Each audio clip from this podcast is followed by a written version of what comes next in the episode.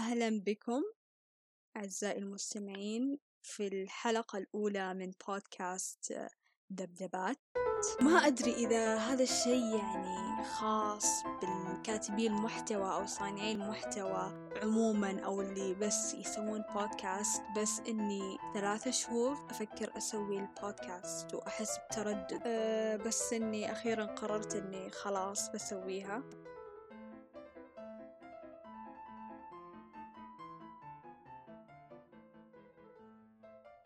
في حلقتنا لليوم بنناقش كتاب التأثير السيبراني للكاتبة ماري أيكن. الكتاب جدا مثري من عدة نواحي من ناحية تقنية سيكولوجية فلسفية علمية. عشان كذا متحمسة مرة لذلك لنبدأ.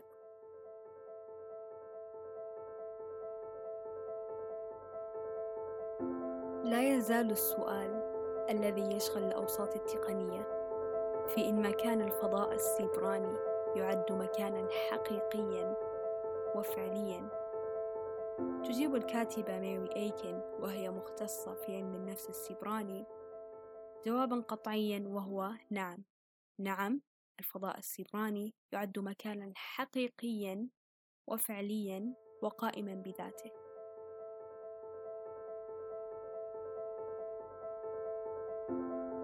وحقيقة إنك تقدر توصل للفضاء السيبراني من مكان مألوف وداخل مساحة الراحة الخاصة فيك زي بيتك مثلا ما تنفي تمايز الفضاء السيبراني كمكان.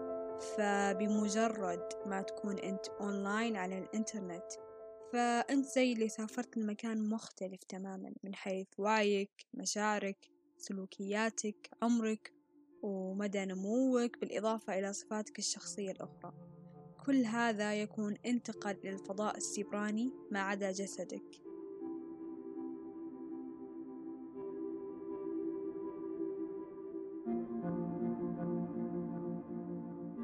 وتعلل الكاتبة هنا بأننا نعرف هذه الحقيقة غريزيا. فمن منا ما تأخر عن موعد أو نسى أكل ينطبخ على النار بسبب أن تلقى رسالة نصية من أحد الأصدقاء؟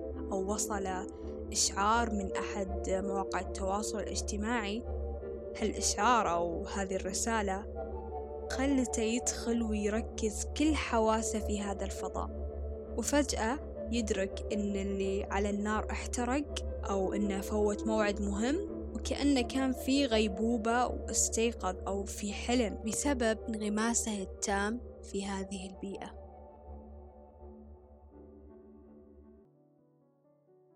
وفي الجانب النفسي حيث تقول نظريات التنمية أن وعي الإنسان بذاته يأتي من عملية تدريجية خلال تكيفه مع بيئته وتحت تدريجية بمليون خط.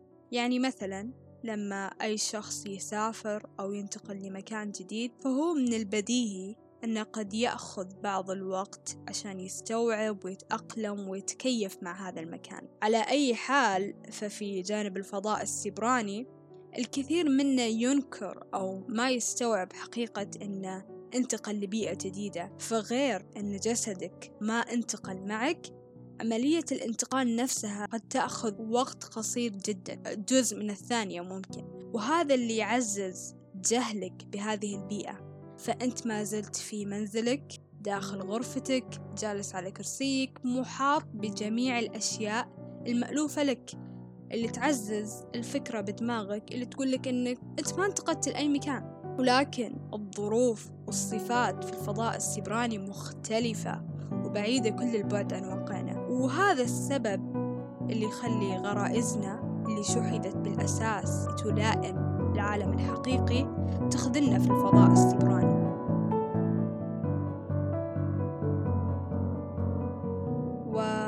وهذا يتجلى ويظهر لنا بوضوح في الحوادث اللي تصير والأفعال اللي يرتكبها الناس في هذا الفضاء.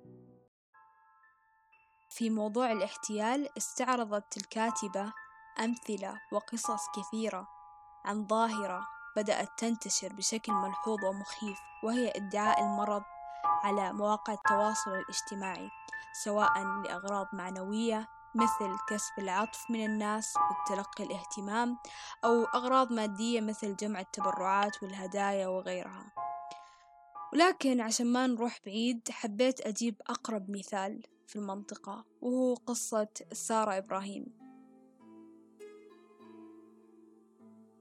السالفة باختصار أن المدعو أو المدعوة حسب الشخص المجهول وراء الحساب كان ينسج شخصية طفلة سعودية مصابة بالسرطان اسمها سارة. طبعا سارة تلقت العطف من شخصيات إعلامية ومشاهير من مختلف المجالات تفاعلوا معها أه وتضامن معها عدد من المغردين وحتى أطلقوا تاج اسمه أصدقاء سارة. والبعض وصلوا لمرحلة أنهم صاروا يحلقون شعور رؤوسهم تضامنا معها وينشرونها على التويتر وبعد هذا الكم من المشاعر الإنسانية والتضامن صدم كل من تعاطف مع سارة لأن اتضح أن الصور اللي كان ينسبها الشخص ورا حساب سارة كانت صور فتاة أمريكية مصابة بالسرطان وأن سارة مجرد شخصية وهمية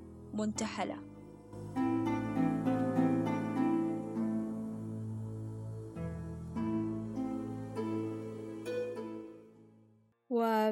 وبعد ما اتضحت حقيقة سارة بدأ البعض ينتقد طبيعة المجتمعات العربية على أنها مجتمعات عاطفية آه، غير عقلانية وغيره إلا أن السيناريو نفسه يتكرر في دول غير عربية وبين فترة لفترة يظهر في عدة دول. فما هي الأسباب اللي تخلي ظاهرة نفس هذه الظاهرة يتكرر حدوثها وعلى نطاق واسع؟ وش اللي يخلي الناس يتعاطفون مع المحتالين ويصدقونهم بهذه السهولة؟ أو ما الذي يجعل الشخص يدعي المرض من الأساس فقط ليحصل على دعم وتضامن أو اهتمام؟ قد يجادلني البعض بأنها طبائع وخصائص بشرية موجودة منذ خلق البشر. قد لا نختلف ولكن الأمر خرج عن السيطرة. لأن الحوادث أصبحت تحدث باستمرار فدراسات ال cyber psychology ترصد تغيرات وانحرافات في السلوك البشري. بشكل سريع لم يسبق له مثيل. الحياة تتغير والسلوك الإنساني يتطور لأن الأشخاص يتصرفون بطريقة مختلفة لما يتواصلون من خلال التكنولوجيا عن لما يتواصلون بالعالم الحقيقي أو وجها لوجه. هذا قد يقودنا إلى أحد خصائص الفضاء السبراني وهي الامبليفاينج أو التضخيم حيث يشير التضخيم إلى تضخم بعض السلوكيات على الإنترنت. ففي بيئة نفس هذه البيئة يتم تصعيد وتضخيم أي سلوك طالما كان هناك استعداد كامل من قبل الفرد أو ميل منه إلى هذا السلوك.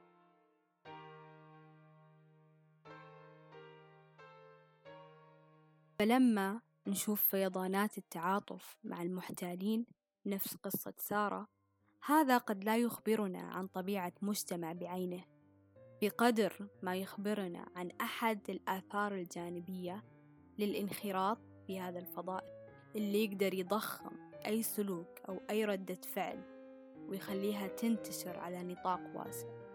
فالميول والتصرفات اللي يحاول الفرد يكبحها الحياة الواقعية قد يكون كبحها في الفضاء السبراني أشبه بالخوض في حرب وباعتقادي هذا ما يحتاج أي شرح لأنها ظاهرة نشوفها يوميا في منصات التواصل من المناوشات العدوانية إلى رسائل الكره والتعليقات المسيئة وغيرها من الأمور التي تدعو لإثارة الجدل.